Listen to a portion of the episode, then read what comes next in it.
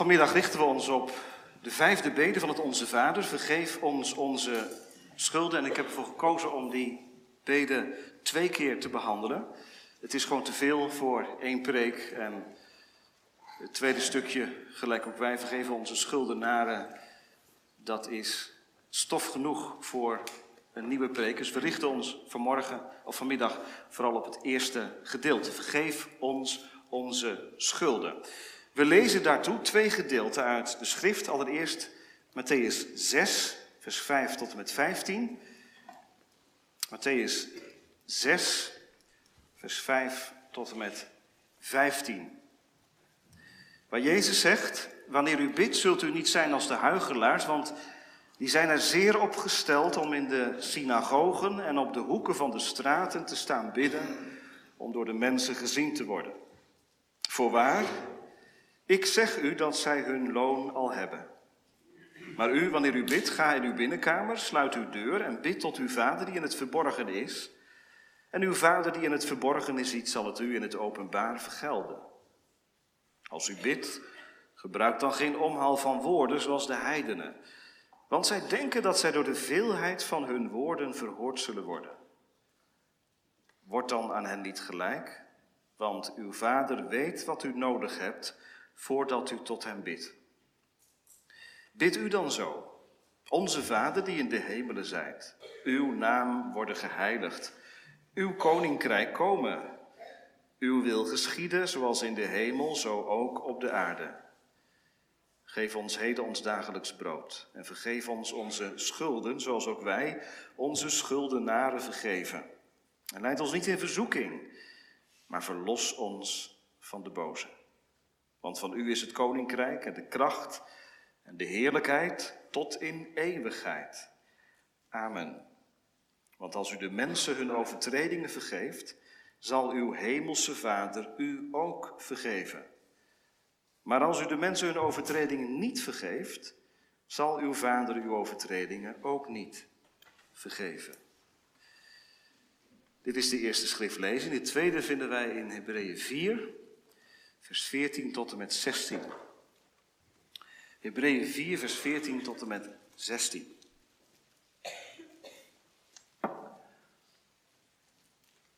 Als achtergrond bij wat we net gelezen hebben.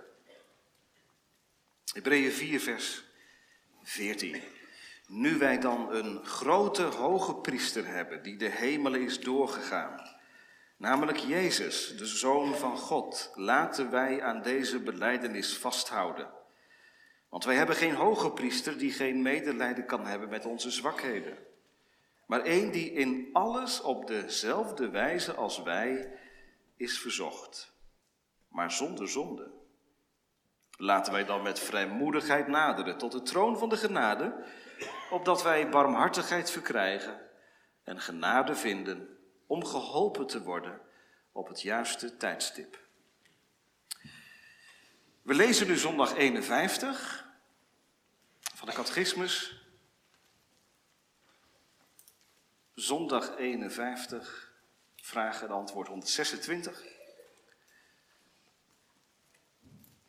Wat is de vijfde bede? Antwoord, vergeef ons onze schulden, zoals ook wij onze schuldenaren vergeven. Dat wil zeggen, wil ons arme zondaren al onze zonden en ook de verdorvenheid die ons altijd aankleeft, omwille van het bloed van Christus niet toerekenen, zoals ook wij zelf het als een getuigenis van uw genade in ons bevinden, dat het ons vaste voornemen is onze naaste van harte te vergeven. Het gaat dus om het eerste deel van het antwoord vanmiddag. Na de preek zingen we uit de beruiming van het gebed des Heren, vers 6.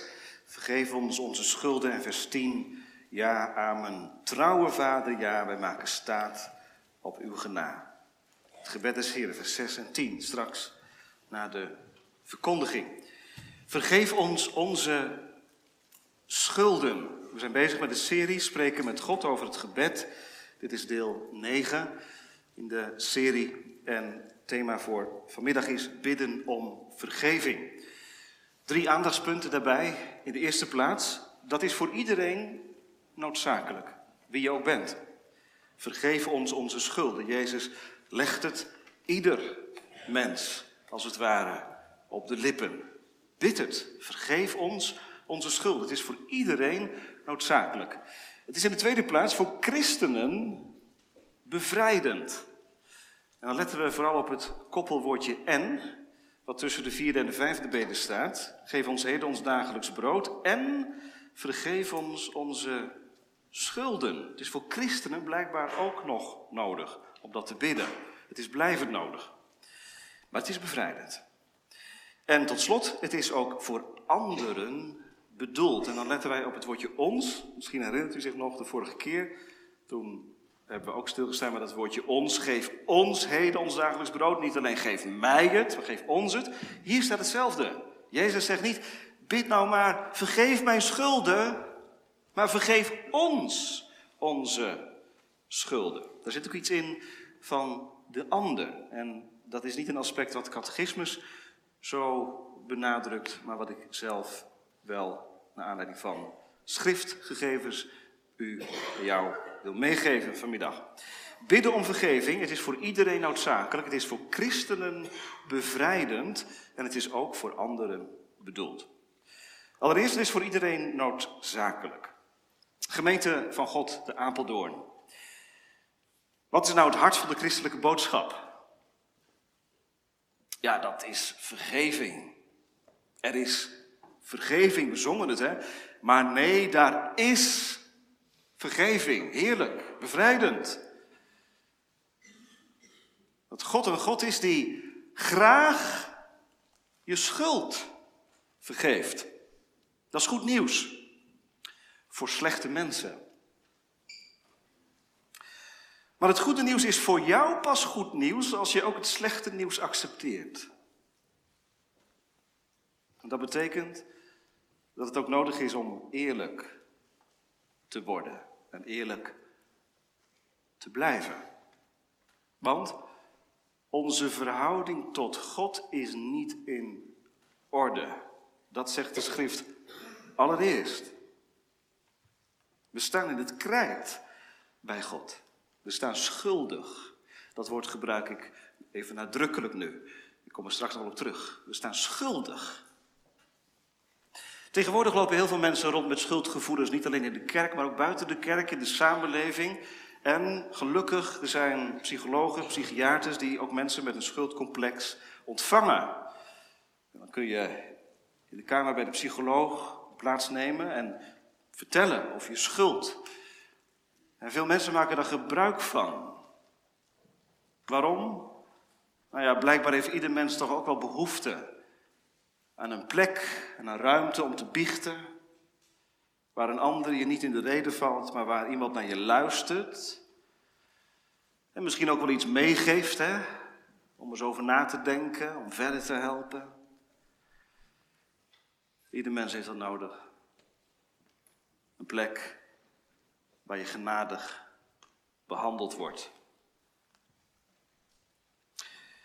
De vijfde bede is wat dat betreft zo actueel, want al die mensen die gebruik maken van andere mensen, psychologen, psychiaters, om hun schuld van het verleden, hun ballast van het verleden te delen, in de hoop op iets genadigs van de andere kant, een woord, een vingerwijzing, die zou je toch zo graag dit willen gunnen, of niet dan?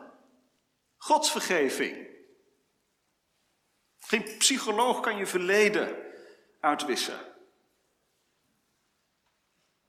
Maar God heeft vergeving in de aanbieding waarmee het verleden, nee dat kan niet ongedaan gemaakt worden, maar het verleden kan wel vergeven worden. Dat is iets wat alleen maar God kan. Nou, Jezus reikt ons vanmiddag dit gebed aan. En ik kijk even naar iedereen. Ik kijk naar jullie jongens achter in de kerk. Ik kijk naar de ouderen. Ik kijk naar de kinderen. De Jezus kijkt je vanmiddag als het ware aan. En hij legt dit gebed op je lippen. En hij zegt tegen je: Bid het. Doe je het ook? Is dit een onderdeel van je, van je gebedsleven? Vergeef ons onze schulden. Jezus reikt ons deze woorden aan met de bedoeling dat we ons uit leren spreken. Dat we eerlijk worden. Want gemeente, de Heer Jezus kan zijn naam alleen maar waarmaken in je leven. Zijn naam is Jezus. Hij zal zijn volk zalig maken van hun zonde. Als er ook wat te vergeven is. Snap je? God vindt er vreugde in. Echt waar. Hij wordt er blij van als hij vergeving kan schenken. Als hij de Heer Jezus Christus in jouw leven de eerste plek kan geven. Maar daar hoort wel dit bij. Ik ben schuldig. Wat zeggen wij eigenlijk hè? als wij, wij zeggen tegen de Heere God, ik ben schuldig, vergeef mij mijn schulden. Dan zeg je in de eerste plaats dit, ik sta in een verhouding tot u. Ik ben niet zomaar iemand losgeslagen van u, ja dat ben ik wel, ik ben vervreemd van u. Maar ik sta in een verhouding tot u, namelijk schuld. Ik ben een schuldenaar. En God wil dat horen van jou.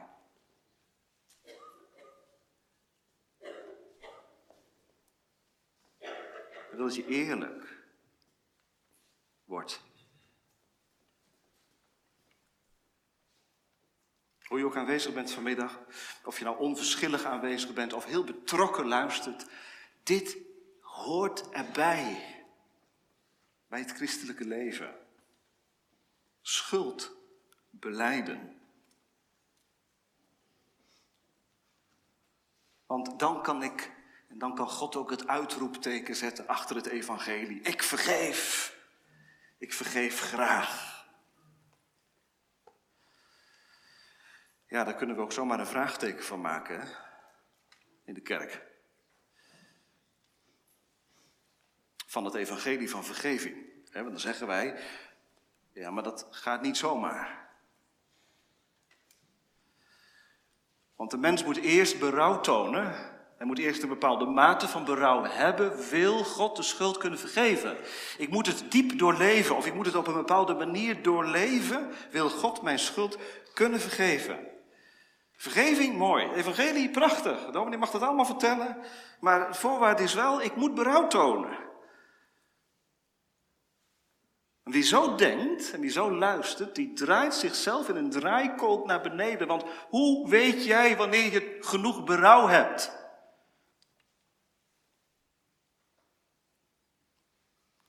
Als die vraag je bezighoudt, kun je ook zomaar heel erg moedeloos worden. Want wat maakt het, wat haalt het uit? Je moet maar afwachten. Het verleden, ja, dat is onuitwisbaar. Ik zou mijn leven wel over willen doen. Misschien heb je dat wel, dat gevoel. Een bepaalde bladzijde uit je levensboek. Als je die uit het levensboek zou kunnen scheuren, dat zou je een opgelucht gevoel geven. Al, al zou ik iets van het leven over kunnen doen, dan zou ik het doen. Maar het kan niet. Wat gedaan is, is gedaan. Maar weet je, God? God is tegen de tijd opgewassen. De tijd verstrijkt in je leven. Maar God kan hem omkeren. Hij kan bij je verleden komen vanmiddag. Hij kan het aanraken. Hij kan je ontdekken aan je zonde en je schuld. Zodat jij leert zeggen, Heere God, ik ben schuldig. En hij kan dat wat je gedaan hebt maken alsof je het nooit gedaan had. Dat verzin ik niet. Dat zegt de Bijbel. Wel gelukzalig, zegt David. De mens die de Heere de ongerechtigheid niet toerekent. Hij had het wel gedaan. Overspel met Batsuba, de dood van Uria. Wel gelukzalig, de man, de mens, die de Heer de schuld niet toerekent. Ja, dit gaat mijn bevattingsvermogen te boven.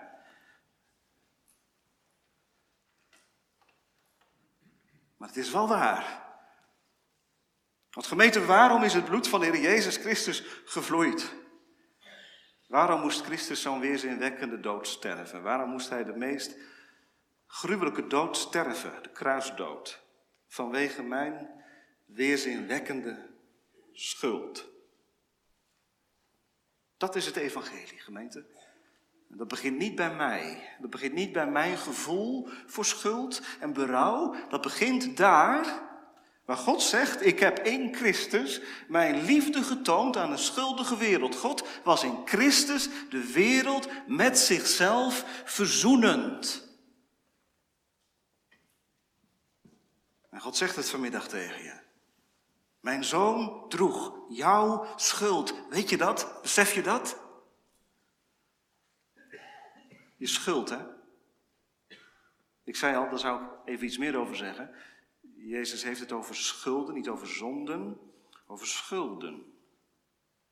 Het woord wat hier gebruikt wordt komt uit de financiële wereld. Een schuld hebben. Dat betekent dat je in het rood staat, of in ieder geval heel veel eh, betalen moet aan een ander. En ja, van die schuld kun je afkomen door te lenen. Maar ja, dat heeft ook weer zijn eigen risico's. Hard werken, meer werken. Of er moet iemand zijn die zegt: Ik zal de schuld op me nemen, jij hoeft niet te betalen. Schuld.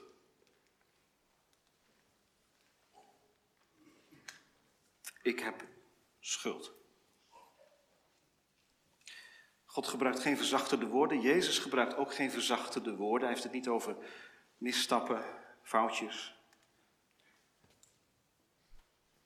Denken wij er nog zo over in de kerk? Over, dat het over schuld gaat. Schuld die verefferd moet worden. Ik las eens een boek van een, van een Engelse psychiater, Dalrymple. Die werkte onder de allerarmsten en onder de meest criminele mensen in de gevangenis. De moordenaars, zeg maar. En met die mensen ging hij in gesprek. En hij beschrijft in een van zijn boeken hoe het heel opvallend is dat zelfs de meest criminele mensen, zijn mensen die, die echt hele foute dingen gedaan hebben, toch in gesprekken weten aan te geven, ja, maar ik ben ook product van mijn opvoeding. Dat ik zulke vreselijke dingen gedaan heb, komt ook door hoe ik opgevoed ben en waar mijn wieg gestaan heeft. En door de negatieve energie die zomaar in mij boven komt en die ik dan niet meer kan handelen. Hij vertelt erover. Hij is zelf geen christen, maar hij zegt het is opvallend dat iedereen probeert om de scherpe kantjes van zijn eigen zonde, van zijn eigen overtredingen eraf te halen. Als je dat gaat doen, hou je ook een heel slap verhaal over vergeving over. Dus niet doen, niet doen.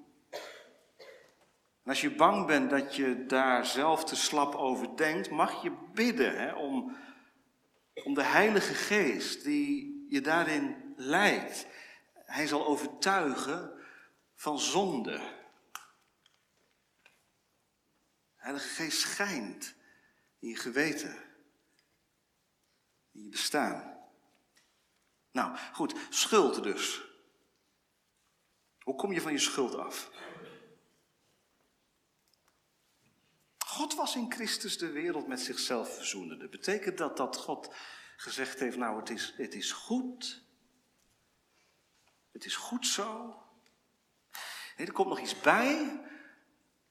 God zegt, God smeekt je, laat je met God verzoenen. God is bereid om vergeving te schenken. Jezus legt je op de lippen. Jezus legt het iedereen op de lippen. Zeg het, beleid het, vergeef mij mijn schulden.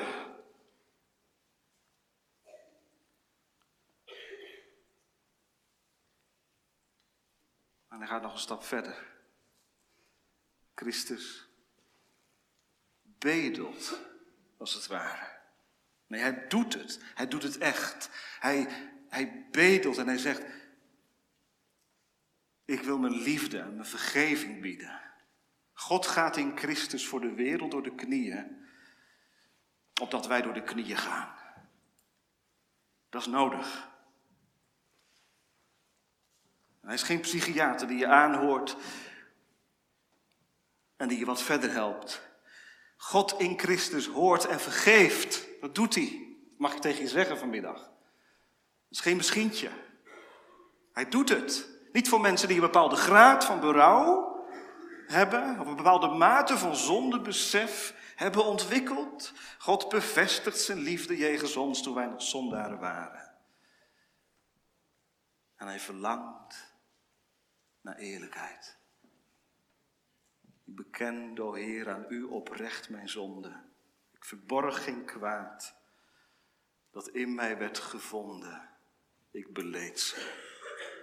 En u nam mijn schuld genadig weg. Gemeente, dat is nodig hoor, want anders moet je met je schuld straks voor God verschijnen. En dacht je dat Hij gaat onderhandelen met je over je schuld? Dat kun je in het gewone leven nog doen. misschien kom je nog goed mee weg ook. Maar voor God niet. Daar kom je niet mee weg. God wil zijn zoon. God wil zijn genade in je leven zien. En daarom is het ook niet zomaar een optie. Hè? Vergeef ons onze schulden. Nou ja, als je je zondig voelt of als je je ellendig voelt, dan kun je dat bidden. Nee, het is onderdeel van het Onze Vader. Het hoort erbij. Het is wezenlijk. Het hoort bij het christelijke leven. Het is voor iedereen noodzakelijk. Kijk er je gebed op na. Kijk er je leven op na. Leef niet over je schuld heen. Beleid het. En God zal vergeven. Dat doet hij zo graag. Nu het tweede. Het is voor christenen blijvend nodig. Ik zei al, dat kun je zien aan het koppelwoord en. We zien dat in Matthäus 6 staan. Geef ons heden ons dagelijks brood en vergeef ons onze schulden. En. Want kinderen, wanneer bidden wij voor het eten? Bidden wij vandaag voor ons eten voor de komende week? Nee, wij bidden iedere dag voor ons eten. Iedere maaltijd is er een moment dat je vader of je moeder even aan de handrem trekt, weet je het nog? Even aan de handrem. Ho, dit krijgen wij van hem. Even wachten. Zoals wij dagelijks brood nodig hebben, zo is vergeving iedere dag brood nodig. Geef ons heden ons dagelijks brood en vergeef ons onze schulden in één adem. We moeten het niet uit elkaar gaan trekken. Jezus leert zijn discipelen dit iedere dag te bidden. Misschien levert het er een vraag op. Hoe kan het nu dat een christen die beleidt dat Christus voor zijn zonde gestorven is, al zijn zonde op hem geladen heeft, toch nog nodig heeft om dagelijks te bidden, vergeef ons onze schulden. Je zonde zijn toch vergeven? Dan moet je dat niet meer moeilijk doen, moet je niet gaan peuren in je verleden. Dat is niet moeilijk doen. Het is vooral realistisch zijn. En ik wil er vanmiddag nog wat andere Bijbelgegevens bijhalen andere schriftgegevens, die dat duidelijk maken. Denk eens even aan, aan wat Paulus schrijft in Romeinen 7 bijvoorbeeld. Paulus, christen, zijn schuld is vergeven, heeft het over het kwade wat hij niet wil en wat hij toch doet, en het goede wat hij wil en niet doet. Daar zit de overtuiging achter dat een christen een tweemens is dat de zonde weliswaar onttroond is, geen koning meer is, maar nog wel een macht is die in je woont. Zo zegt Paulus het ook in Romeinen 7. De, de zonde die in mij woont. Jullie kennen misschien wel hè, het boek van de Heilige Oorlog. John Bunyan heeft dat heel beeldend beschreven. Hoe stad mensziel, dat is, dat is ons leven, hè, door Emmanuel, vorst Emmanuel, overwonnen wordt. Maar dan gaat het verder. Stad Mensiel is in handen van Immanuel. Is onderworpen aan de koning. Maar vanuit de putten, vanuit de afgrond, komen er kleine duiveltjes, diabolisten, naar boven en die, die proberen het oude regime weer te herstellen. Als de aandacht van de wachters van de stad verslapt, komen ze binnen en proberen ze te infiltreren. En ellende te veroorzaken. Nou, dat is het leven van een christen en dat herken je denk ik wel, toch? Romeinen 7. Ik ellendig mens, wie zal mij verlossen? Vergeef ons onze schulden. Catechismus zegt dat treffend. Wil ons arme zondaren al onze zonden, en dan komt het, ook de verdorvenheid die ons altijd aankleeft, niet toerekenen. Dus er is iets wat je meeneemt. Ook als je verlost bent, als je geheiligd bent, als je in Christus een nieuwe schepping bent, is er de boosheid die je aankleeft. De zonde die in je woont. via je uh, gedachten, soms ook in daden, concreet tot uiting komt. Wat is er nodig om dit te bidden? Dat laat je niet achter je. En je moet ook niet zeggen, ja, dat is een beetje pessimistisch van de catechismus, arme zondaren, dat laat je toch wel achter je. Je sluit er ook een hoofdstuk af, zonde, en dan leef je uit de vergeving, en dan, hè, dan moet je vooral vooruitkijken en naar de toekomst kijken. dit is het christenleven. Wij zijn in onszelf en wij blijven in onszelf. Arme zondaren. We hebben elke dag de vergeving nodig. Luther zei, en dat kon ook alleen Luther maar zeggen, eh, de zonde, zegt hij, dat is eigenlijk als, als de baard van een man hè, die iedere morgen weer aangroeit. Nou mannen, sommigen laten hem staan. Maar als je niet, niet zoveel trek hebt in een baard, dan moet je iedere morgen dezelfde handeling verrichten. Dat is de zonde. Zit zo in je. Groeit gewoon iedere dag weer aan.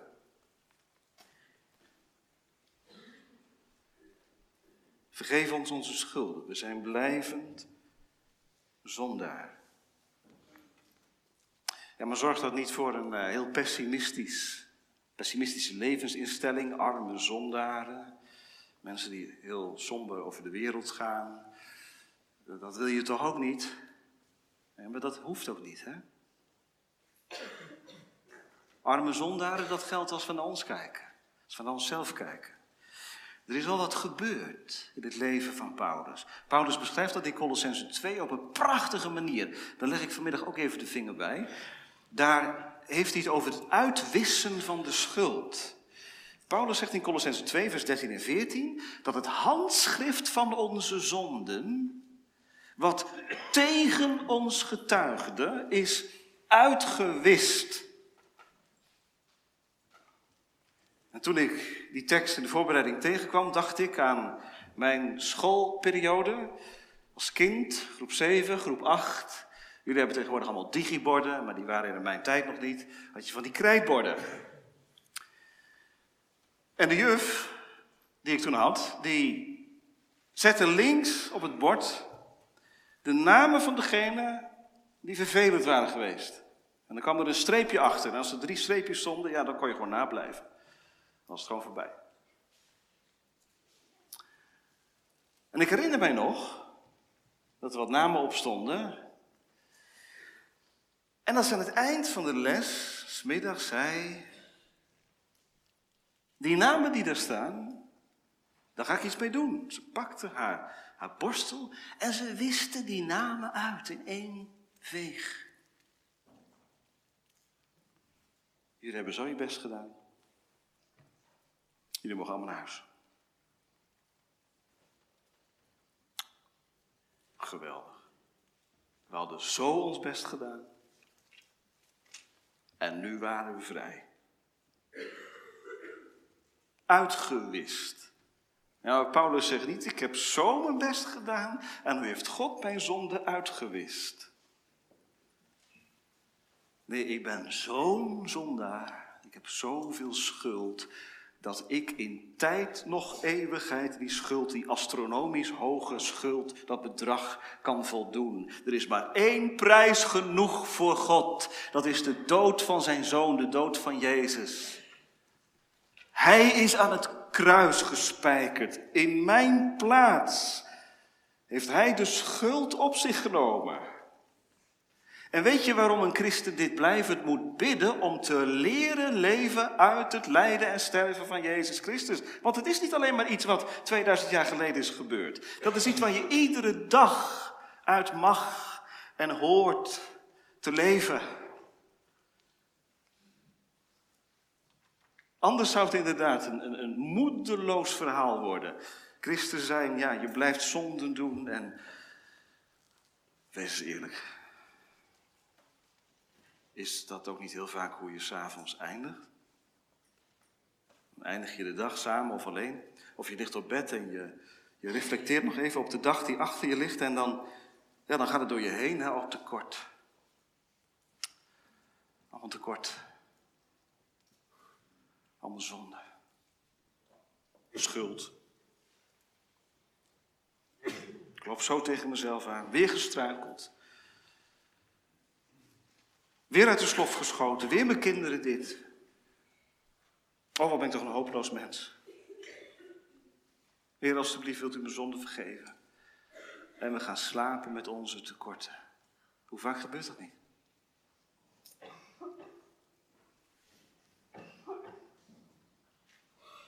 Mag niet gaan slapen met je tekorten, christen. Jezus leert een christen te gaan slapen met Gods rijkdom. Ik mag het bidden. Ook vanavond weer. Als ik leef uit het volbrachte werk van Christus, vergeef mijn schulden. En staat God dan met een meetstok klaar aan het eind van de dag om te kijken, nou, eens even kijken. Is het goed gegaan, minder goed gegaan? Nee, God ziet je in Christus als volmaakt en heilig. Maar dat is geen reden om achterover te leunen. Hij wil dat je daaruit leeft, uit die positie leeft. Dat al je schuld en zonde alleen om het lijden en sterven van Jezus Christus vergeven zijn. En daarom hebben wij artikel 22 van de Nederlandse geloofsbelijdenis samen gelezen. En dan denk ik ook even aan beleidingscategorisatie. De beleidingscategorisanten herinneren zich nog wel dat we halverwege de avond dit artikel hebben gelezen. Ik bracht het toen in, omdat we het hadden over de rechtvaardiging door het geloof. En we hebben ons verwonderd over de manier waarop dit onder woorden wordt gebracht. Het gaat over de, de grote verborgenheid, het wonderlijke geheim van de vergeving van de zonden. Wat ontstaat als de Heilige Geest ons geloof geeft. Als geloof ontstaat. En dat geloof dat, dat omhelst Jezus Christus. En dan gaat het verder. Hij is een hele zaligmaker. Hij bedekt met zijn lijden al mijn schuld. En zijn verdiensten zijn genoeg. Maar die grote verborgenheid, ik krijg er niet op een rijtje. Het is niet dat ik achterover ga leunen en zeg, nou ja, mijn schuld is vergeven. En uh, nou kan ik uh, vrolijk verder. Ik maak me geen zorgen meer. Nee, Jezus bedoelt niet de zorgeloosheid van, ah, het maakt allemaal niet meer uit. Als Jezus deze woorden ons op de lippen legt, wil Hij ons heel dicht bij zijn hart brengen. Vergeef ons onze schulden. Iedere avond bedenk ik, realiseer ik mij dat ik strakel. Zeven maal per dag. Maar dat God mij om Christus ook deze zonde, de boosheid die mij aankleeft, niet toerekent. En dat alleen omwille van het bloed van Christus. Nou, je hebt een leven lang, een eeuwigheid lang daarvoor nodig. Toch om, om dit wonder te bewonderen. Ik ben arm in mezelf, maar ik ben bedelend zo rijk. Alles in Hem. Nou, als je van die genade leeft, dan, dan wil je toch dat, dat iedereen hiervan leeft. En dat is het laatste wat we horen. Het is ook voor anderen bedoeld. Niet alleen voor anderen, maar het is ook voor anderen bedoeld. Vergeef ons onze schulden. Je mag het samen bidden, als gezin bidden. Vergeef ons onze schulden. Zoals je bidt, geef ons ons dagelijks brood. Maar er zit ook iets in van voorbeden. En dat is ook heel bijbels. De Jezus ging ons erin voor. Toen hij aan het kruis hing, kinderen, wat bad hij toen? Een van de kruiswoorden, Vader, vergeef het hun, want zij weten niet wat zij doen. Vergeef hun. Jezus bad voor anderen. En denk eens aan Stefanus, handelingen 7. Terwijl de stenenregen op hem neerdaalt. En hij omhoog kijkt en de hemelen geopend ziet, bidt hij, Vader, Heere, reken hun, die stenigers, die geweldenaars, reken hun deze zonde niet toe.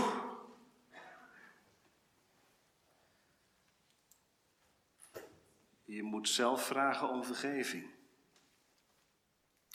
Maar anderen mogen het ook voor jou doen en jij mag het ook voor anderen doen. Nou, trek maar weer een cirkel om je persoon heen. Wie staat er dichtst bij je? Je vrouw? Je man? Je kinderen? Je kleinkinderen? Broer, zus, vriend? Familie? En wie staat er in de cirkel daaromheen? Buren, collega's misschien? Wie komen er boven als jij dit woord ziet staan? Leid ons. Wat zijn de, wie zijn de mensen met wie je verbonden weet? Of iets minder verbonden weet, maar toch wel contact hebt? Jezus zegt, bid voor ze. Vergeef ons. Onze schulden. Eigenlijk als je dit als je deze woorden heel, nou, heel letterlijk neemt. Het is zo breed als de wereld. Hè? Daarom bidden wij in de kerk ook voor de wereld. Heere, vergeef hun zonden. Iemand zegt, ja, heeft dat dan zin? God wijkt toch niet van zijn route af? Wat heeft het voor zin dat ik bid voor mijn collega om vergeving van de zonde? Dat zal die man zelf moeten doen. Hij zal zelf door de knieën moeten gaan. Hij zal zelf moeten inzien dat hij zondaar is. Ik zeg u heel eerlijk, ik weet niet precies hoe dat zit. Maar ik weet wel dat God de wereld mede regeert door de gebeden van zijn kinderen. En dat wij ook in de Bijbel genoeg voorbeelden hebben van bidders die God verbidden. Denk eens aan Abraham, die bidt voor Sodom. Spaar de stad, Heere God. Waar moet je dan voor bidden? Nou, als je zelf van de liefde van de Heer Jezus Christus leeft, dan mag je bidden dat die ander het beste mag overkomen wat jou is overkomen. Dat je Gods liefde en genade nodig hebt leren krijgen. Dit is ook een vorm van naaste liefde, bidden voor de ander. Zoals wij vanmorgen gehoord hebben, denk ik, in de samenvatting van de wet. Heb je naaste lief als jezelf. Heb God lief boven alles, je naaste als jezelf. Naaste liefde is, begint ook met gebed voor de ander. En dan zit er ook wel iets in van zelfverloochening, denk ik. Dat is niet altijd eenvoudig. Kijk, bidden voor je, voor je kinderen, en bidden voor je man en voor je vrouw en voor je familie en voor je leuke collega en je aardige vriend, dat gaat nog wel. Maar nu zijn er natuurlijk ook mensen in je netwerk die je wat minder mag. En zowel de Heer Jezus als Stefanus bidden uitgerekend voor hen die anti zijn.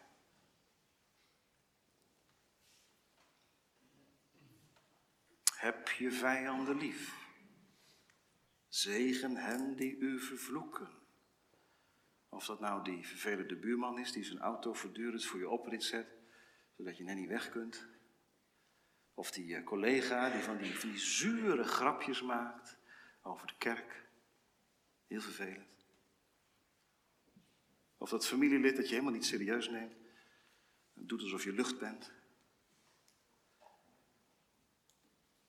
Vergeef ons onze schulden. Heere God, geef dat Hij, als ik zijn naam hoor, dan borrelt er van alles in me boven. Geef dat Hij van uw genade en uw liefde mag leven. En dat zal ook wat met ons doen. Als wij de namen van hen, met wie wij moeite hebben, uitspreken voor Gods aangezicht. Die lastige leerlingen. Als wij ze voor Gods aangezicht neerleggen, zal het ook wat doen met onze houding tegenover hen. Zeker. Er zal een verandering komen in je hart. Het wordt weker zachter. En je ontdekt, ach, jij bent een vervelende buurman voor mijn gevoel, een lastig gemeentelid, een nare collega, maar we hebben allebei hetzelfde nodig. We moeten allebei voor God verschijnen en we hebben allebei het bloed van Jezus Christus nodig. Ik bid voor je. Vergeef mij, vergeef hem, vergeef ons onze schulden. We gaan eindigen.